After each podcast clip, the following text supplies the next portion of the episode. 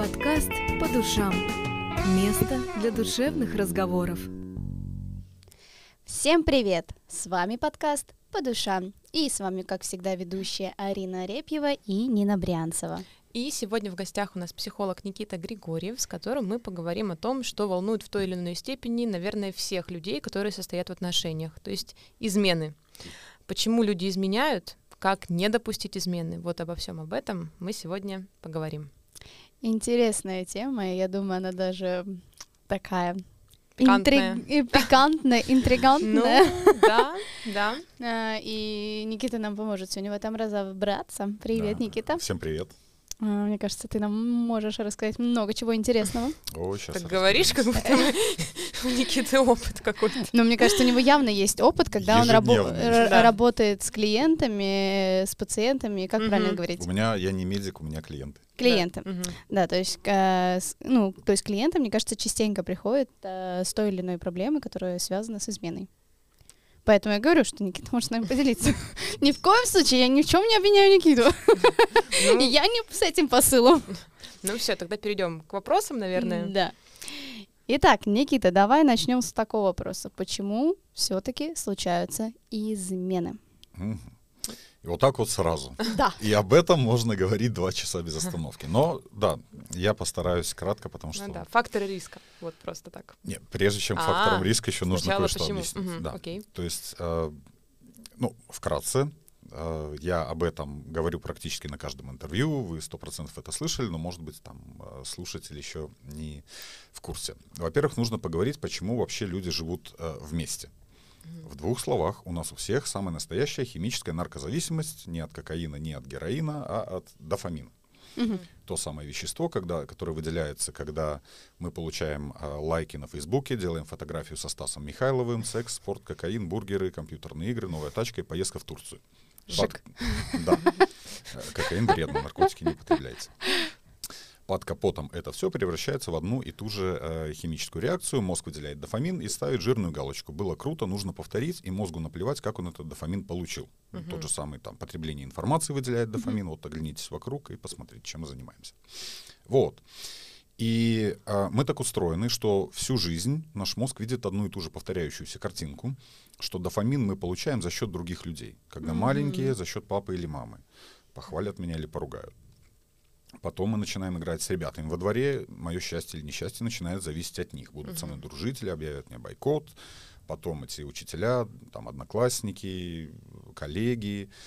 Всю жизнь наш мозг видит одну и ту же повторяющуюся картинку, что наше счастье или несчастье зависит от вот этих вот важных окружающих людей. А потом мы находим того самого человека, мы его так и называем, тот самый, говорим волшебное слово про любовь, и все, мозг ставит жирную галочку, вот теперь мне должны. Вот те- мы осознанно этого не понимаем. Мы ничего не хотим, мы просто хотим, чтобы нас любили. Но под капотом, чтобы нас любили, мы ж любим, значит, нас должны любить. Это означает целый какой-то список. Так. Мгм. То есть эм, мы сейчас косвенно касаемся темы, что такое любовь. В двух словах, когда мы говорим слово «я тебя люблю», под капотом мозг говорит «ты мне должен». Понимаете? И это не что-то материальное, это то самое там и уважение, и внимание, вот, вот это вот.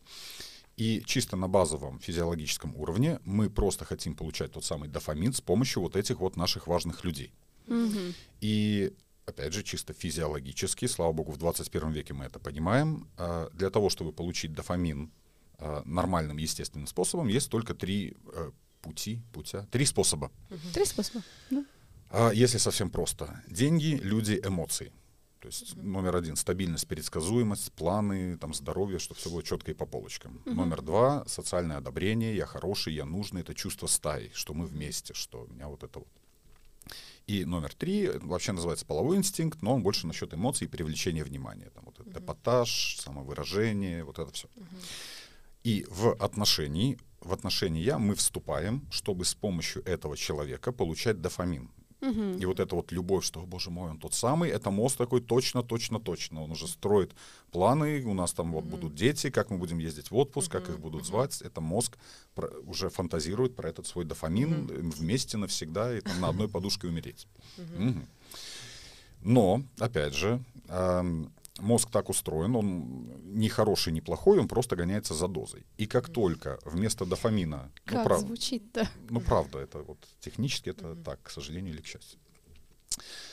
А, Как только мы понимаем, что вместо дофамина мы получаем адреналин, то есть гормон стресса, и раз мы можем потерпеть, второй потерпеть, мы пытаемся поговорить, а тут мы поссорились, и в следующий раз о чем там говорить, мы же поссоримся опять. Ну да. Мы это терпим, все ходим годами, это все копится. И мы уже понимаем, опять же, иногда неосознанно, а вот на этом базовом подсознательном уровне, если можно так сказать, что что-то у меня вот этот человек уже не источник дофамина, а источник адреналина. Это чисто базовая биологическая задача мозга — это избегать адреналина, искать дофамин. И, ну, к сожалению, очень многие пары э, живут именно в таком состоянии. Очень- В таком состоянии можно жить долго, потому что, ну, там, ну, чем будем рыпаться? Мы вот ходим на работу и ходим домой ссориться. Или там живем как соседи, или то поссорились, помирились. Но как только на горизонте появляется новый источник дофамина, наш мозг автоматически все внимание перебрасывает туда. Вот если, ну, возьмем условный пример, если девушка дома у них уже там и рутина, и какие-нибудь дети, и они уже там сто раз поссориться успели, и там уже лучше об этом не ссориться, потому что никто ничего не докажет. И стоит там на работе появиться какому-нибудь коллеге, который что-нибудь там улыбается, и вроде уже как в ней какое-то внимание, э, и там поговорить с ним можно, и не осуждает он ее. Она сама этого может еще не почувствовать, но этот автоматический мозг уже говорит, а что-то мне там лучше. И она сама не замечает, как уже ему улыбается, он тоже делает вывод, о, на, мой, на мои посылы отвечают дофамином, и люди сами не понимают, как так случилось, что что-то мы там на корпоративе уже замутили. Так. Вот. И, собственно, вот почему люди изменяют. Мы это, то есть это биологический механизм поиска дофамина, если мы вот очень примитивно на это все смотрим, а, который мы обернули в социальную такую конструкцию, которая называется отношения или брак. Там невозможно всю жизнь вот получать дофа- дофамин, как в 19 лет не будет. У многих иллюзия, что вот давайте как в 19 лет, чтобы бабочки в животе и все это. Плохие новости, ребят, не будет ну, нужно работать, чтобы было. Это вот и есть отношения, это работа. И простой способ это поискать дофамин где-то еще. Как только он на горизонте, мозг автоматически делает выводы, и вот добро пожаловать, мы уже это называем изменой, и ходим с чувством вины, и с, э, там предали нас, и все вот это вот. Поэтому в двух словах люди изменяют, потому что они ищут дофамин, и в отношениях в какой-то момент дофамина становится меньше. А на стороне его как бы он кажется новый, свежий, и вот там, вот там как раз таки Там будет, вкуснее. как в 19 лет, да. Слушай, ну ты так описал это все, как будто бы нет выхода из этой ситуации, что Как будто все рано или поздно придут к тому, что по-другому никак. А, Я специально где-то, может быть, немножко преувеличиваю, Мгм. чтобы как-то это все красноречиво было. Но и опять же, вот ко мне, например, приходит, у меня же нет какой-то четкой статистики, я же не опрашиваю людей Ну в да. м, там, торговых центрах, там, ра- изменяете, не изменяете. Но ко мне приходят клиенты, и вот как мы с Ариной до эфира говорили, что это разводы, измены и выгорание с депрессией. Да-да-да. Очень много такого, да. Что, конечно, у меня складывается впечатление, что да, действительно такого много, потому что именно я работаю ежедневно с такими клиентами. А, Но действительно, если мы глобально посмотрим статистику разводов, то есть в рамках 10 лет она плавает туда-сюда, но возьмем там 100 лет назад и сейчас, то, конечно, это растет экспоненциально. И, Ну, все говорят, наши бабушки, там, дедушки жили и так далее. И действительно, в 21 веке сохранить отношения сложнее, чем когда-либо. Потому что изначально начали мы жить вместе просто чтобы выживать. Там никто никого не спрашивал. Родители взяли за руку, отвели в соседний дом. У нас товар, у вас, у вас купец. Надо закрыть в бане, там наделать 20 детей. 10 из них умрут во время родов, э, родов там 5 во время зимы, а которые выживут, будут на поле работать, чтобы мы просто выживали как-то. Шик. И если мне тут скучно, и дофамина нету, я обиделся и уйду, то у меня забор, лес и волки.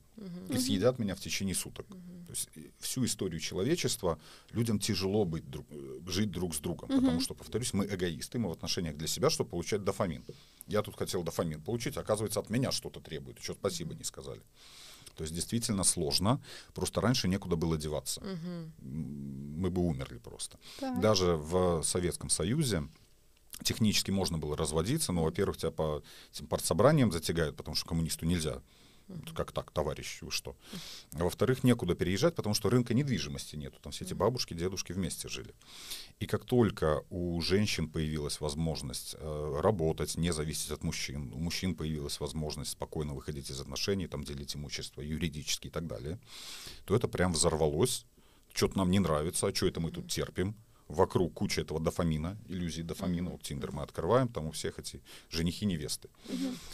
И все, и мозг, повторюсь, мозг автоматический орган, он за нас делает вывод. А что я тут терплю? Плюс еще к этому добавляется идея, что ладно, 20 лет у нас вся жизнь впереди, а когда мне 30, а потом 40, там появляется идея, что на этом рынке отношений я уже не такой востребованный, и у меня вот последний шанс.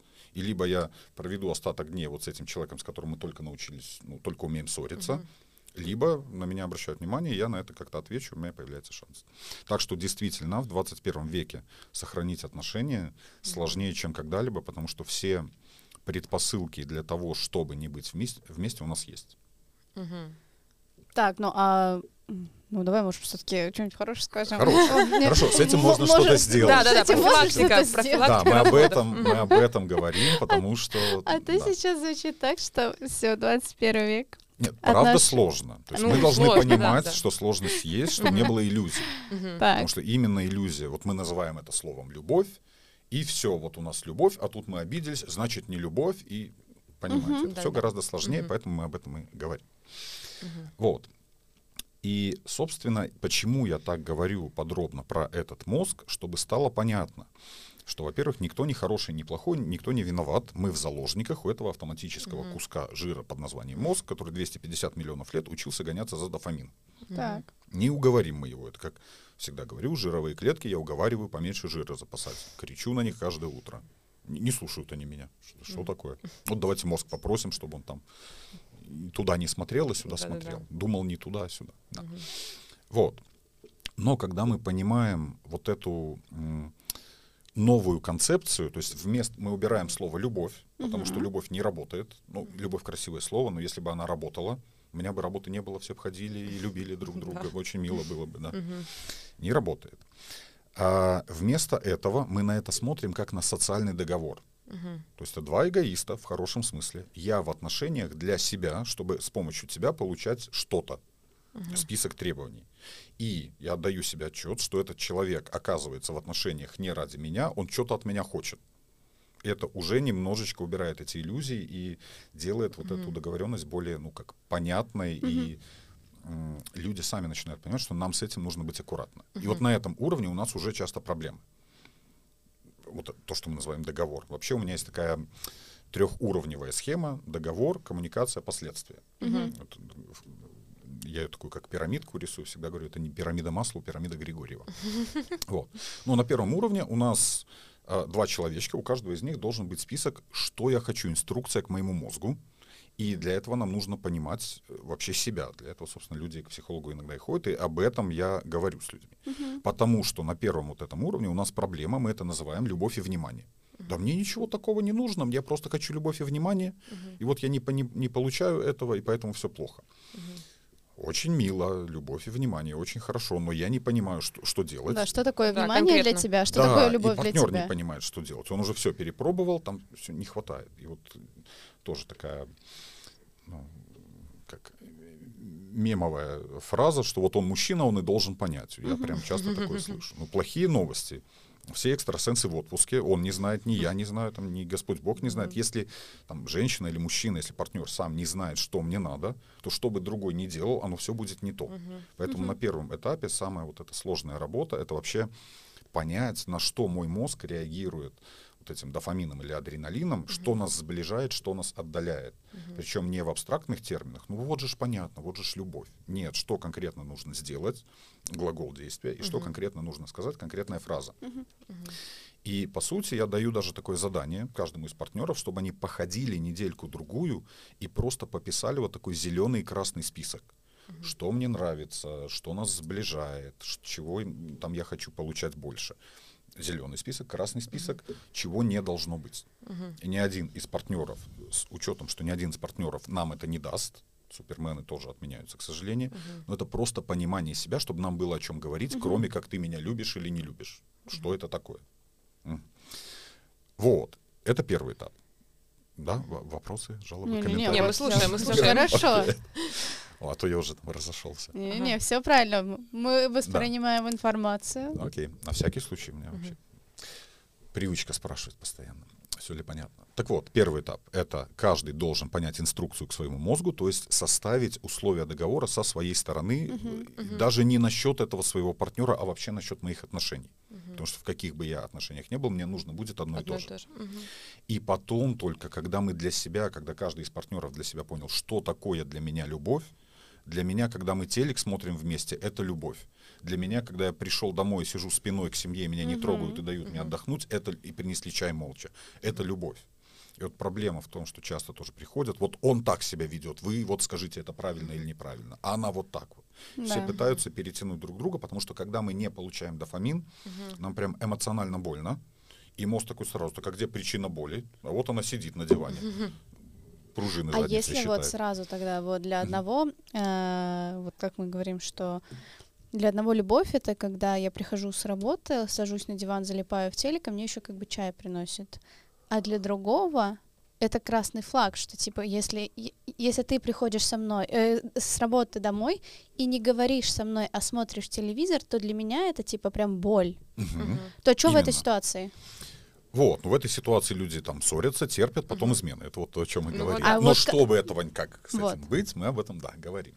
И для этого второй этап — это коммуникация, когда каждый из нас должен взять этот свой список, он на бумаге, в голове, главное, чтобы он в голове был. Мгм.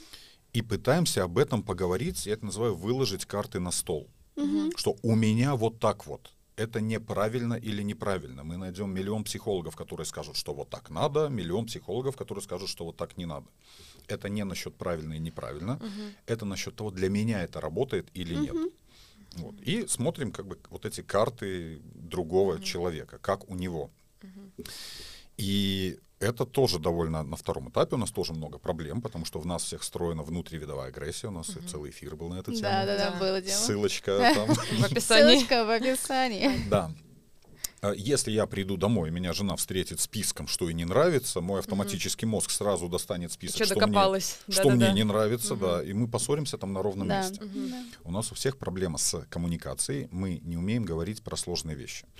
Э, Не потому, что с нами что-то не так, а наши родители вот так общались, чуть что сразу ищут виноватого. И не родители виноваты, потому что с ними также общались. Ну да. Вообще в школе должны учить каким-то базовым, вот всегда говорю, тайм-менеджмент, коммуникация, вот Да, да, да. основа психологии, может быть.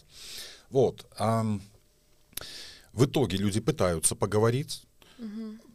Человек, ну, опять же, нам же кажется, я же старался, а мне вместо того, чтобы спасибо, я вот, например, я не знаю, мужчина там в офисе задержался, чтобы денег больше заработать, у него там бизнес или что-то. Он приходит домой, и вместо спасибо его встречает там холодный взгляд, что опять там насиделся в своем офисе. Так Да-да-да. я еще адреналин получаю. На адреналине он, собственно, собственно, отвечает тем же самым, и понеслась. То есть на втором этапе у нас тоже проблемы. И вот, собственно, работа психолога — это помочь паре организовать вот этот вот второй этап диалог.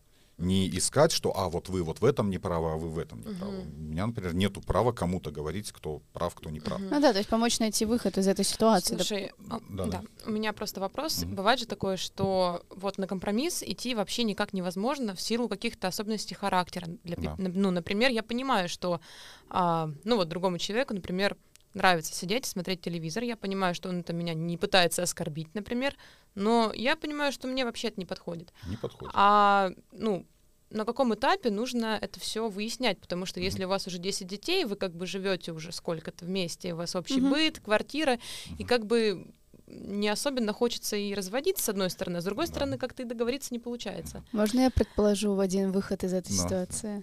Ну, как бы я бы, Мгм. наверное, поступила, если бы вот, э, допустим, в моих отношениях возникла такая Мгм. ситуация, то я бы предложила какое-то, ну, а-ля расписание. То есть, допустим, говорим, что ты, вот если э, мне Мгм. не подходит, мне подходит, что в первую очередь, когда ты приходишь с дом, домой, ты меня обнимаешь, мы садимся пить чай, Мгм. ужинаем, не знаю, и потом у каждого там свое время. Мгм. И мы делаем так, что, допустим, по понедельникам, средам а, ты после работы заходишь в дом, садишься на диван, смотришь телевизор, я преподношу тебе чай, и мы друг друга не трогаем весь вечер. И А ты вто- получаешь свой дофамин. Да, вторник, четверг мы договариваемся, что мы проводим Мгм. вот этот вечер Мгм. после работы Мгм. вместе, садимся, делаем так, как мне надо. Мгм. А в пятницу мы ищем какой-то вообще там компромисс, который Мгм. устроил бы всех нас. Не, ну это звучит хорошо, конечно, но бывают же такие варианты, когда человек говорит, ну вообще нет, вот мне претит вот этот вот чай так- подносить тебе, Да. вот я вот вообще это не приемлю никак, вот у меня такого не было, я вот воспитывалась так-то, вот вообще никак я не могу это Тогда я бы сказала, нафиг такие Ну отношения вот, вообще. да, на каком этапе нужно вот это вот договориться, потому что там первые там несколько месяцев вы же не будете разговаривать о том, кто кому чай будет подносить. Ну,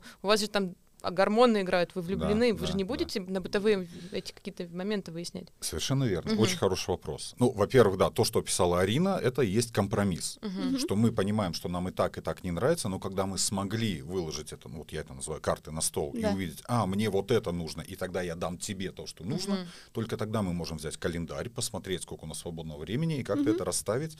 Это и есть вот этот второй этап, поиск компромисса. Для того, чтобы найти компромисс, там должны быть кусочки этого компромисса, Да. кусочки пазла, которые Мгм. люди на первом этапе составляют. Ну, вернемся к первому этапу. Я там не хотел эм, как детализировать, но раз уж такой вопрос, детализирую. Погнали. Да, во-первых, вот этот список, некоторые, опять же говорю, важно не то, что написано на бумажке. Важно, что когда вы пишете, я прям письменно говорю, от руки пишите, Мгм. потому что когда мы пишем, магия происходит не на бумаге, а в голове. Мы помогаем в Мгм. голове выкристаллизовать для себя, что, вам, что нам вообще нужно. Некоторые приходят, у них прям распечатка на 200 пунктов, и своему партнеру вот так, мне вот это вот все, так, давайте, погнали. И делай с этим, что хочешь. Да. Всегда говорю, что ну так не будет, это для себя. Но хорошая практика, что вот, э, опять же всегда говорю, что не получится за вечер сесть и написать, потому что у нас много чего. Мы пописали, потом поехали куда-то на машине, мозг начинает подсовывать какие-то Да. идеи. Это нормально с этим походить и неделю, и две, а может быть всю жизнь, потому что мы меняемся, жизнь меняется, и не получится этот какой-то список, условный социальный контракт составить раз и навсегда на всю жизнь. Это будет меняться, это вообще хорошая практика саморефлексии, Мгм. что мне вообще надо. И можно это детализировать еще больше, разбить для себя потом постфактум этот список на три категории. Ультиматум, компромисс и бонус. Вот Мгм. ультиматум, если мне партнер говорит, что я тебе это дать не могу по какой угодно причине, мама не разрешает, там религия не та, не хочу, что угодно, мы идем нафиг в ЗАГС, потому что если мы этого не получим, мы подписываемся под постоянным выносом мозга. Это будет нас постоянно триггерить, если я понимаю, что на компромисс я не готов идти. Это будет Так. триггерить партнера. Вот. Компромисс — это вот то, что описала Арина, что окей, на определенных условиях Господь с ним. Если я получу это не сейчас, а в субботу, я готова тебе этот чай принести. Но в Мгм. субботу мы идем, я одеваю самое красивое платье, мы идем в ресторан. Да. И когда люди понимают, что мы не получим это здесь и сейчас, но получим немножко позже и действительно получим, то есть мы тренируем вот это отложенное вознаграждение, как- с Мгм. которым у нас в 21 веке проблема, ам, то в принципе во, м- во многом это прям убирает всю необходимость э, что-то там изменять, обижаться и так далее, потому что мы поняли, что нам нужно, и мы увидели, что мы можем поговорить об этом без эмоций. Так. Вот. И приведу пример. Очень такой банальный, простой. Ну, допустим, а, приходят мужчина и женщина. Мужчина говорит, мне нужен там ребенок.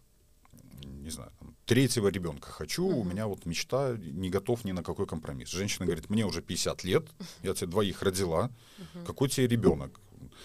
И все, и они вот уткнулись. У женщины свои причины. Они всегда психолога пытаются перетянуть. Вот он не прав, она не права.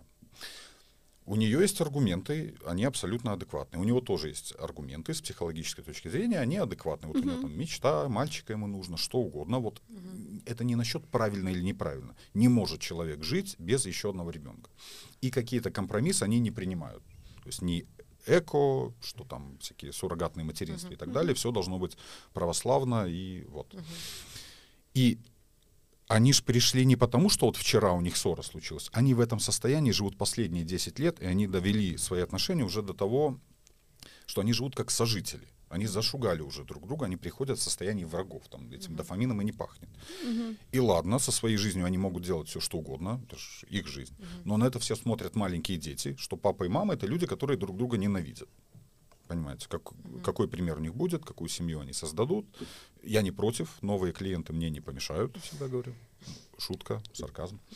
Вот. Но в итоге эм, мы приходим к выводу, что они ни разу друг от друга не услышали четкого ответа.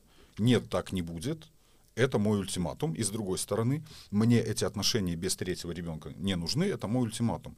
И когда за вот эти несколько консультаций, которые у нас проходят, они понимают, что мы не уговорим, не заманипулируем и так далее, у нас возникает наконец-то свежая идея, что мы мучаем друг друга. Да. У меня иногда прям разводятся, и не всегда это плохо. И слава богу, потому что у них есть шанс получить этот дофамин, без которого им никак не живется, от кого-то еще, вместо того, чтобы самоутверждаться и уже получить, получать дофамин этим нездоровым способом с помощью внутривидовой агрессии, про которую мы говорили. Так, смотри, у меня сейчас такой вопрос на миллион. Вот как часто к тебе приходят клиенты, и ты уже сразу видишь, что они, ну, им бы лучше бы развестись, но ты об этом не говоришь. Ну, понятное дело, ты не тот человек, который должен говорить, что им делать. Вот меня и клиенты об этом, они потом там звонят так лично, говорят, ну что вы думаете, какие у нас шансы? Во-первых, да, ни один психолог никаких шансов не Да. даст. Ну вот я вот Причем- чисто по секрету спрашиваю. Вот, это да, это, во-первых, это этический вопрос, потому что, ну, опять же, это как гадание на кофейной гуще. Но и вот чисто по секрету бывает, что приходит пара, я вижу, что они там еще не в состоянии врагов, они искренне заинтересованы, они там что-то про себя поняли. Они выходят, у меня прям слезы умиления, что, Да. боже мой, как круто. И потом где-то там, они мне или потом пишут, или что-то встр- встречаемся случайно. Говорят, ну вот развелись, что-то у нас не... В кабинете все классно, но важно понимать, что работу делает не психолог, а пара, которая возвращается домой с этими новыми знаниями. Да. И начать общаться по-новому, вот с помощью вот этих новых техник, стратегий, которые мы вот полтора часа протестировали в кабинете психолога, это адски сложно. Всегда говорю, что задача психолога это как задача тренера в спортзале. Он не может накачать мышцы за клиента, он может только покача- показать упражнение, а дальше мяч на стороне клиента. То же самое. Э, Много разных факторов. И выгорание, и там и возраст, и какие-то индивидуальные особенности личности. То есть мне может казаться, ну вот, классно, как бы дело сделано, там, совет да любовь, в итоге оно не работает. Бывает так, что приходят люди, которые, ну, вообще, как вы мучаете и себя, и детей, и все, и потом выясняется, что там через год-другой кто-то из них приходит уже с другой проблемой, оказывается, у них все классно, кто-то там что-то понял, поэтому не только из этических соображений не, ну, не стоит давать этих прогнозов, потому что вот этот прогноз, он дополнительно там как-то влияет. Это должно быть вот как с- стерильное такое поле, что человек получил техники и сам с этим что-то делает. Слушай, И, ага. во-вторых, они абсолютно вот не оправданы, даже если мне искренне кажется, что оно будет так или так. Мгм, мгм. Слушай, я бы немножко вернулась к нашей теме а, именно измен. А, я так понимаю, что мы вы- вывод какой отсюда мы можем сделать, если какие-либо проблемы в отношениях какого-либо характера, то это может спровоцировать измену. В принципе, не обязательно это будет, э, ну, может, это что-то бытовое, может быть, что-то вот поведенческое, все что угодно. Да, и, но Мгм. уточню, причем, как правило, это не разовые вещи, а те, которые мы заметаем под Мгм. ковер, которые долго тлеют, Мгм. когда люди уже эм, жизнь превратилась в эту Ага. рутину, и где человек не получает этого дофамина, и оба не знают, что делать. Как вот говорят, отношения это Мгм. работа, а какую работу делать не понимают. Мгм, Вот, мгм. да. То есть можно так сказать. А, слушай, а если вот, ну вот ты, например, понимаешь, что да, у нас такая ситуация, действительно, ну, например, а, есть у тебя там какие-то мысли о том, что вот, а может быть, где-то было бы лучше, но ты при этом понимаешь, что у вас, опять же, может быть, дети, может быть, что-то, какие-то общие, что-то общее. А, как, ну, обмануть мозг, наверное, не получится. Мгм. Вот ты пытаешься разговаривать, ну, как-то что-то, это же не быстрый процесс. М, Как себя вести так, чтобы не было вот этих вот каких-то соблазнов, скажем так, искушений и так далее. Можно это вообще как-то с мозгом сделать? А, Искушения будут всегда, особенно Мгм. в 21 веке. Мгм. Не только насчет отношений, всегда говорю, мы Мгм. оказались на свалке этого дешевого дофамина. Мгм. Вся, ну не знаю, медиа-индустрия, индустрия Мгм. развлечений, там реклама, пи- их задача показывать нам Мгм. что-то лучшее, чем наша жизнь, лучшую семью, лучшего партнера и так далее. Мгм. И у нас нету этого внутреннего фаервола, мы не можем не думать об этом. Мгм. Тоже люблю такую фразу, это не моя фраза, Андрей Владимирович Курпатов ее использует, есть такой нейрофизиолог, Мгм. что каждый день наш партнер нам изменяет с идеальным партнером в его голове, с Мгм. идеальным образом нас. Мгм. Понимаете, это то, что Кто называется... может быть идеальнее меня, я не понимаю. О, а у нас именно вот такая позиция. Кто может быть идеальнее меня? А тут выясняется, что я еще стараюсь, идеально, что еще что-то нужно. И приехали, понимаете? Вот, и вот говорю об этом так прямо, без, без каких-то там, не пытаясь это смягчить, Ага. чтобы не было иллюзий. Это действительно сложная работа, не поддаваться на вот эти дешевые дофаминовые стимулы, которые нас Мгм. окружают, и не отрываться от реальности. Потому что Мгм. сейчас мы все с головой погрузились в какой-то иллюзорный мир, где у всех крепкое подкачанное тело, новая машина, новая квартира, Мгм. идеальные партнеры. Глядя на это, а потом убирая телефон в карман, эта жизнь по сравнению с этими яркими картинками выглядит серой. И, Мгм. и отношения, и семейная угрюмой. жизнь, и все. Мгм. Поэтому сюда добавляется и цифровая зависимость, которая у многих э, есть, как бы мы от этого не отказывались. У меня в том числе есть, у меня телефон, Мгм. экран черно-белого цвета. всем Да, я помню, ты рассказывал. Вот. Это тяжело. Но когда мы понимаем, что это не что-то абстрактное, там какая-то порча или какая-то любовь, Мгм. там, это настоящее или не настоящее, как мы это протестируем, какой анализ мне сдать на любовь, понимаете? Там Мгм. другие только можно.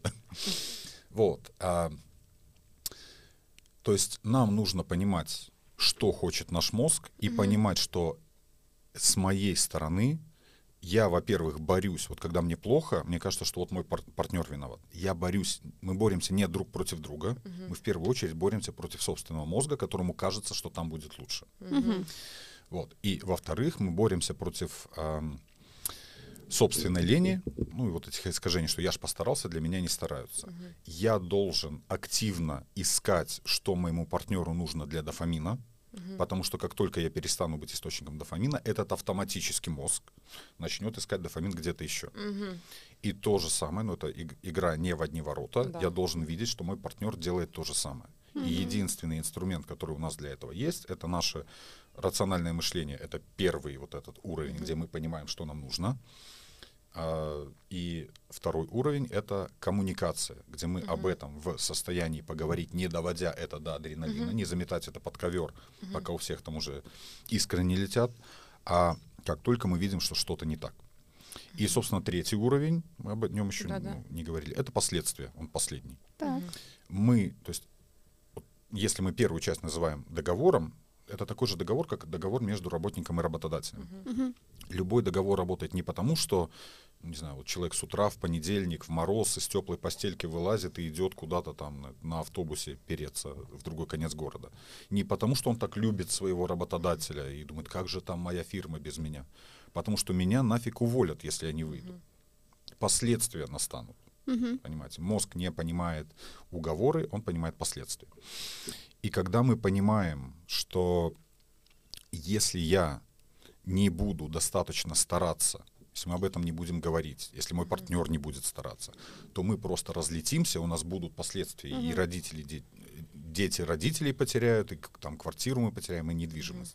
Вот даже вот эти материальные последствия заставляют людей наконец-то что-то делать, Мгм. потому что пока мы теоретически думаем, да ничего страшного, мы сто раз уже ссорились, Мгм. никто никуда не делся. Но когда мы понимаем, что это уже не просто ссора, там уже заявление о разводе или там измена или что-то еще, вдруг включается какая-то мотивация, что это все Мгм. по-серьезному оказывается. Мгм. Три фактора: договор, коммуникация, последствия. Мгм. Хорошо, у меня теперь такой вопрос. Э, Вообще существует фраза такая среди населения нашего, нашей земли, Так. что все мужики изменяют. Э, Понятное дело, что мы не можем всех под одну гребенку, Мгм. но складывается вообще ощущение, что мужчины как будто бы изменяют чаще. Либо женщины делают это настолько хитро, что никто не догадывается о том, что они изменяют, либо действительно есть какая-то тенденция, что у мужчин вот это вот фактор поиска нового дофамина, он как-то, Мгм. не знаю, Ну более вот многие активен. говорят, что мужчины моногамны, Да, женщины полигамны, да. вот это все, это Вот имеет что это под собой, такое да. вообще? Окей. А, у меня сразу же вопрос. Если мужчины изменяют чаще, То, то, с с кем, кем? кстати. Со свободными женщинами? Ну, Ну, либо Ну, не совсем со свободными. Ну, то есть, Вот, сколько, какой у нас там процент Да. этих свободных женщин. То есть, окей, мы не можем действительно посчитать статистику. И вот чисто со своей практики, ну, на вскидку, я специально никогда не считал, Мгм. но а, я бы сказал 50 на 50. Нет такого, Мгм. что вот семейные пары с изменами ходят именно потому, что м, мужчины изменяют. Мгм. Точно так же приходят, потому что у женщин измена, и часто женщины приходят, сами рассказывают, но вот на самом деле, да, тут можно четко провести такую параллель, что когда а, в семейной паре измена мужчины, то женщина 100% знает. Они М. приходят, потому что была измена, и вот пытаются восстановить отношения. Мгм. Чаще всего, если а, изменяет женщина, то мужчина об этом не знает, она об этом рассказывает мне тет-а-тет.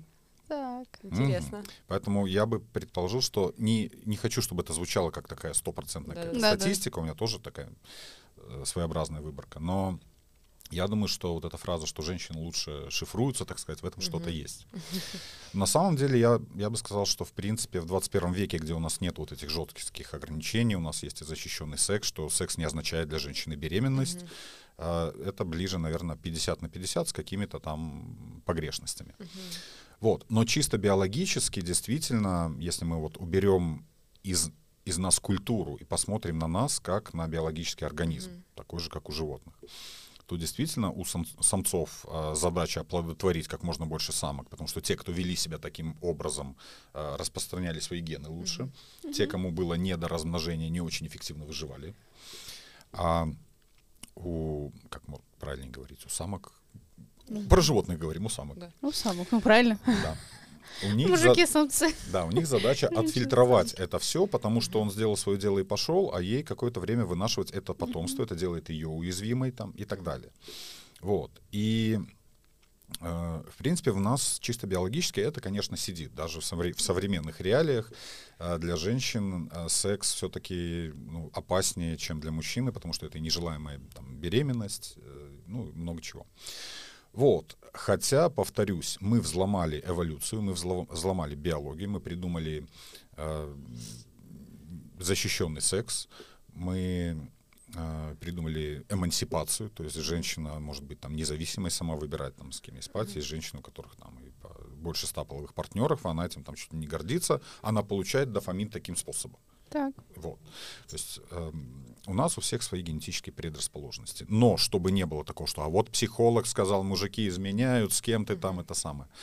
50 на 50, и у этого есть какие-то ну, э, корреляции.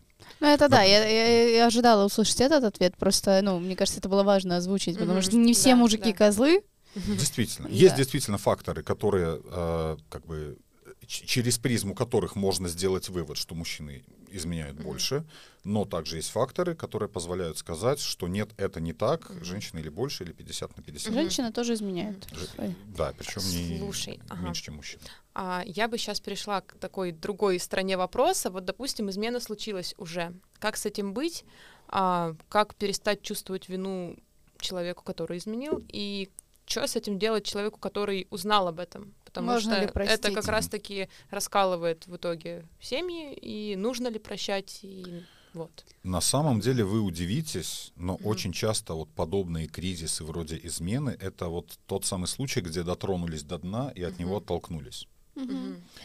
Очень часто именно после измен, вот то, о чем я говорил раньше, люди понимают, что оказывается после- последствия это не просто ссора на кухне и бойкот в течение двух дней, а потом Мгм. какой-нибудь примирительный секс. Это посерьезки, я могу потерять семью, и вдруг начинают, то есть мы уже во всем друг друга обвинили, оно не работает, это то, как мы жили всю нашу жизнь. И мы понимаем, что может мне во мне что-то поискать, может я не понимаю, что мне нужно. Ну, опять же, вот то, о чем мы говорили.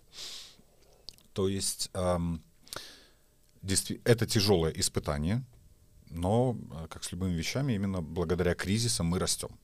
И как пары, и как индивидуальность.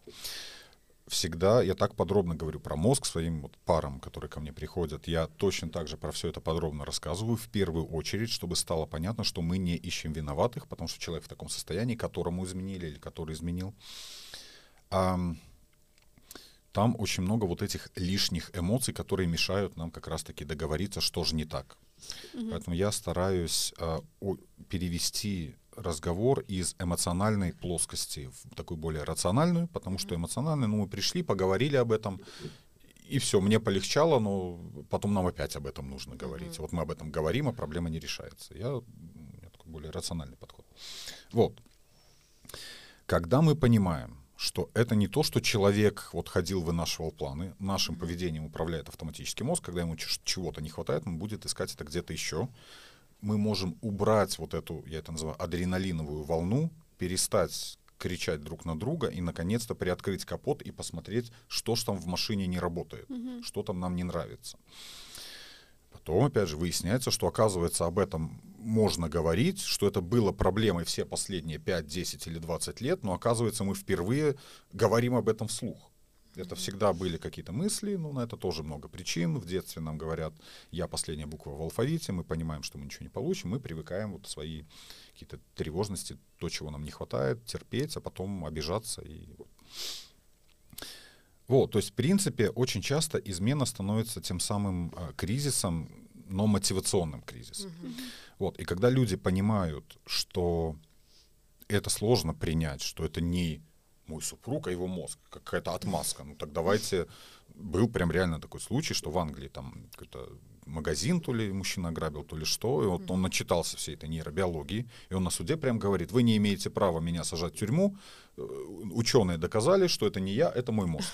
Но судья не растерялся, он говорит, вы свободны, а мозг идет в, в тюрьму. Вместе с вами или без, понимаете. То же самое, да, это мой мозг, но я буду иметь дело с последствиями. Да.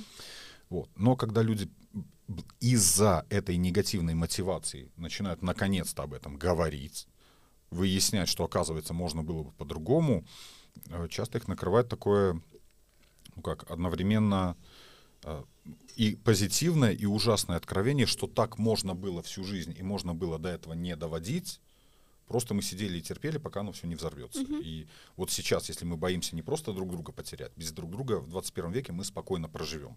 Можно всех заблокировать вообще, ходить на работу и заказывать еду удаленно. Да, да, да. Но это и родители, и инвестиция жизни друг в друга, и ну, то есть что-то ж нас объединяет, и недвижимость, и бизнес, то все это становится факторами, что раз мы что-то поняли не по-хорошему, а вот так вот по-плохому, угу. то, может быть, мы попробуем все это сохранить, учитывая, что это по-серьезному, учитывая, что могут быть последствия, наконец-то мы это поняли, mm-hmm. и учитывая вот эти новые ну, техники, которые вот я даю клиентам, новое понимание.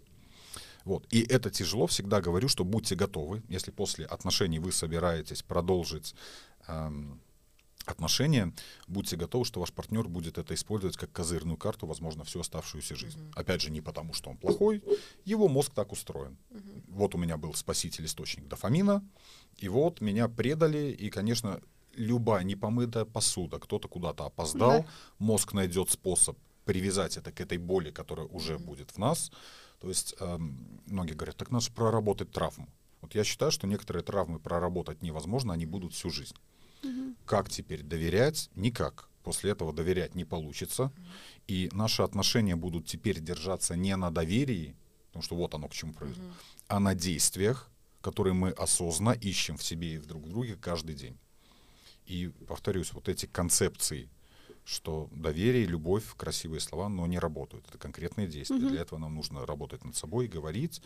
Помогают через полгода, через год увидеть, что оказывается после этого ужаса мы живем лучше, чем когда-либо.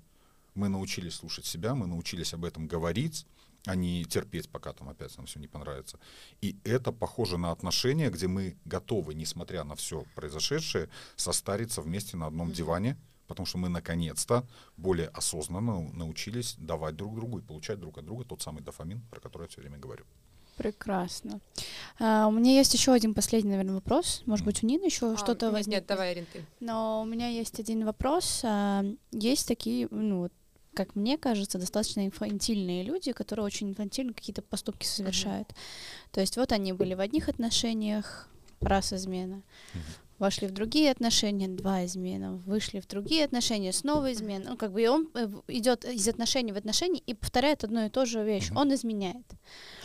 Что с такими людьми делать? Э, есть ли у них вообще шанс на будущее без измен? Э, Как с такими людьми, ну, вообще, возможно ли с ними выстраивать отношения, если ты знаешь, что, допустим, вот твой партнер в прошлом во всех отношениях изменял, если он тебе, ну, конечно, в этом признался. Ну или, например, э, вот у вас отношения с женатым мужчиной, ты знаешь, что вот он изменяет своей жене, возможно, он изменял до этого кому-то еще, Да-да-да. вот, и ты такая думаешь, ну все, вот он Ради сейчас уйдет от жены, да, вот да. у нас будет любовь.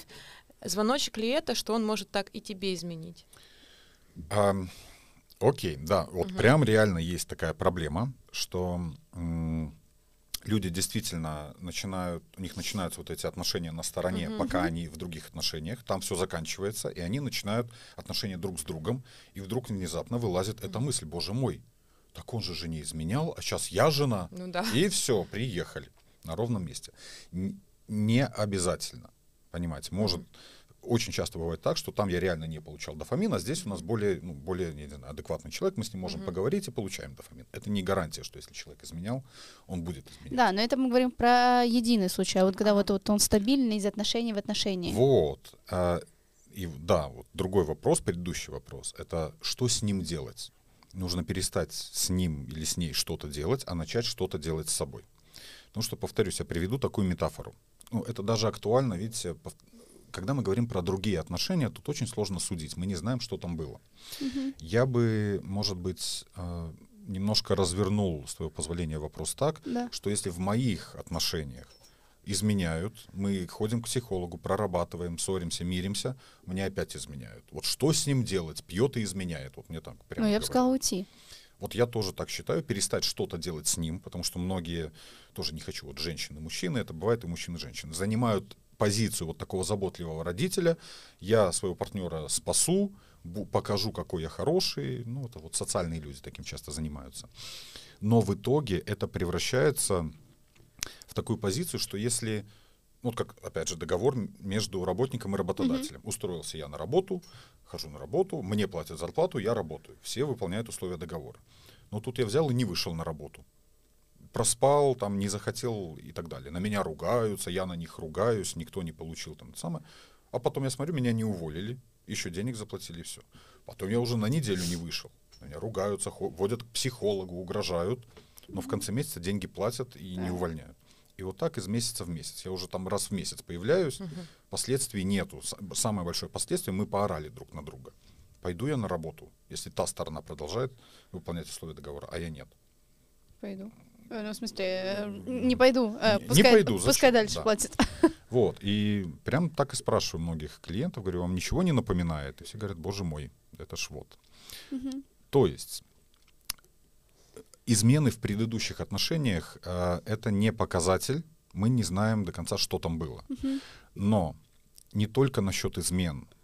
В принципе, если вы понимаете свои требования, вы о них говорите, но ам, вы это не получаете, будь то какая-то верность, знаки внимания там, и так далее, то это значит, что пора присматриваться к третьему пункту последствия. Потому что если, ой, мы об этом сто раз говорили, но последствий нету, вы своим поведением, оставаясь в этих отношениях, показываете, что с вами так можно. Если с вами так можно, то как с вами будут обращаться? Если вы изначально говорите, что меня это волнует, помните, мы про этот договор говорили, я понимаю, что меня это волнует, и для меня это ультиматум. У нас не будет никаких вторых шансов. Любой намек там, на какую-то, я не знаю, там, переписку, измену и так далее, либо мы все это идем, выясняем там, и так далее, либо мы сразу разъезжаемся. Вот. И повторюсь, вы об этом можете говорить, но если вы об этом поговорили, но потом мы поплакали и помирились, вы показываете, что ваши слова ничего не стоят. И это, опять же, подводит нас к такой немножко другой теме, но тоже об этом скажу. Очень важно иметь хоть какую-то независимость. Мгм.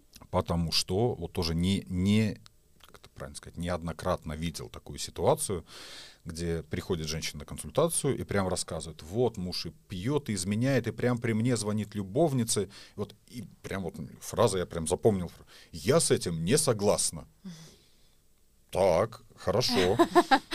Единственный вопрос, если все так плохо, почему все еще в отношениях? И тут выясняется, ей уже там э, под 40, и никогда в жизни она не работала. М. Муж взял на себя ответственность, и она с тремя этими, там, или четырьмя, или сколько у нее там детей, она никому не нужна, если она уйдет, ей не, не за что будет этих корми, кор- детей кормить. В итоге мужчина взял ее, по сути, в финансовые заложники, и понимая, что она не может ему организовать последствия, он может, по сути, делать все, что угодно. Понимаете, такое вот рабство Да. 21 века. Поэтому очень важно для того, чтобы вот эта схема работала, иметь возможность получить свой собственный дофамин в плане выживания, денег, социального, социальной поддержки и каких-то эмоций. Если вы навешали на своего партнера эту роль спасителя, вот что вот только он, потому что он тот самый, с вами можно будет делать все, что угодно, ваш мозг не даст вам отпустить эту ветку, за которую держится, потому что он же тот самый. Поэтому для того, чтобы эти отношения были здоровые в том смысле, нас держит не какой-то абстрактная любовь и доверие, а конкретные договоренности и понимание необратимых последствий, для этого каждому из партнеров нужна какая-то степень независимости, а не растворяться друг в друге потом, чтобы распутывать это, кто кого там пред. Прекрасно. Спасибо тебе, Никита, за такое хорошее разъяснение всех наших вопросов. А Мне кажется, теперь э, наши слушатели, да и мы сами на измены немного под другим углом посмотрим, потому что Мгм. изначально у меня было немного другое представление об изменах, что это прям... Ну ладно. Социально это прям биологически механизмов моногамии у нас в мозгу нету. Да. Вот, поэтому э, надеемся, этот подкаст был полезен не только нам, но и нашим слушателям. Спасибо тебе, Никита, еще раз, что пришел. Мы будем ждать тебя еще. Спасибо, всегда рад. Ну, а с вами был подкаст по душам. С вами были ведущие Нина Брянцева и э, Рина Арепьева. Всем спасибо. Всем пока. Всем пока. Пока-пока. Подкаст по душам. Место для душевных разговоров.